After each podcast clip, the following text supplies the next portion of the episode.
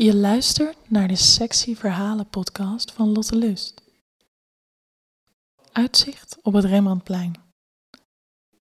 Ik zit met mijn huisgenoot en een vriendin een beetje na te tafelen met ons zoveelste glas wijn als hij me appt. Hij reageert op iets wat ik hem uren eerder stuurde en voegt eraan toe dat hij een kutdag heeft en daarom zo laat pas antwoordt. Kom anders hier langs, stel ik voor. Thanks schat, maar ben alles behalve gezellig, stuurt hij terug. Snap het als je hoofd er niet naar staat, maar weet dat je altijd welkom bent voor wijn. Is je huisgenoot er? vraagt hij. Ja, zeg ik. Maar ze is een schat, dat weet je. Ja, dat weet ik, maar toch, krijg ik terug. Ik pak alvast een wijnglas voor je, zeg ik eigenwijs. Oké, oké. Zie je zo, lieverd, antwoordt hij. Zodra ik zijn bericht lees, spring ik op om een wijnglas voor hem te pakken. Een tikkeltje zenuwachtig ren ik als een kip zonder kop door het huis. Mijn vriendinnen lachen me uit terwijl ik me loop op te frissen en een leuk setje aantrek onder mijn outfit. Is toch lief dat hij na een kutdag nog bij me wil zijn, zeg ik. Minste wat ik kan doen is een beetje fatsoenlijk voor de dag komen om hem op te vrolijken.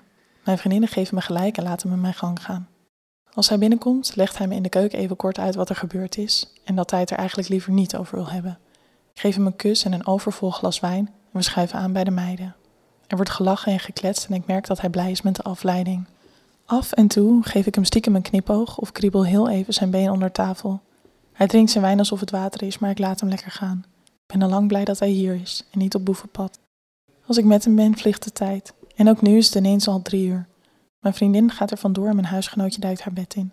Met z'n tweetjes blijven we over in de woonkamer.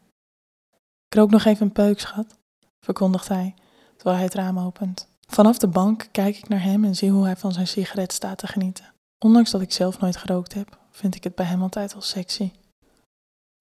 Ik ben toch blij dat ik gekomen ben, zegt hij terwijl hij me aankijkt. Ik ben blij dat je er bent, schattenbaat, zeg ik zachtjes en glimlach naar hem. Hij doet het raam dicht, loopt naar me toe en geeft me hand. Kom, zegt hij. We gaan naar bed. Ik ga hem voor richting mijn slaapkamertje. Hij gaat op de rand van het bed zitten en kijkt me aan. Terwijl hij blijft kijken, doe ik langzaam mijn kleding uit. In mijn lichtblauwe kanten setje blijf ik voor hem staan, zodat hij me even goed kan bekijken. Fuck, zegt hij en grijpt naar zijn telefoon om een beetje bij te schijnen. Ik zie zijn ogen op en neer gaan.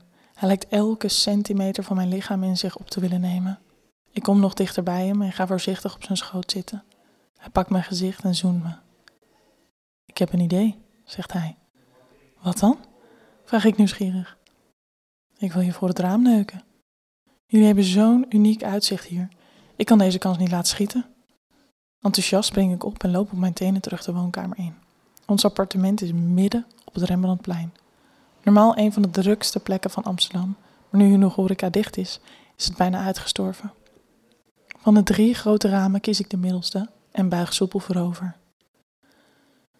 Ik kan niet eens verwachten dat je ja zou zeggen, maar je gaat er gelijk klaarstaan, zegt hij lachend. Je kent me toch? zeg ik, terwijl ik over mijn schouder naar achter kijk. Ik hou er wel van, als er mensen mee kunnen kijken. Hij komt achter me staan en schuift mijn onderbroekje opzij. Het tere kant en zijn ongeduld blijken geen match. Het broekje scheurt, maar in het moment kan het me werkelijk gestolen worden. Als ik hem maar zo snel mogelijk in me voel. Ik kreun als hij bij me naar binnen glijdt. Hij stoot langzaam maar diep en ik voel gelijk dat mijn benen een beetje shaky worden. Ik klem mijn vingers stevig om het raamkozijn en kijk naar het lege Rembrandtplein. Ik moet mijn best doen om niet te hard te kreunen, maar het lukt me om me in te houden als hij door mijn hoofd schiet dat mijn huisgenoot ons anders zomaar op heterdaad zou kunnen betrappen. Ik voel hoe zijn handen mijn heupen nog steviger vastgrijpen als hij sneller begint te stoten. Ik sluit mijn ogen om me volledig op het heerlijke gevoel te kunnen richten en voel hoe een tinteling langzaam door mijn hele lijf kruipt.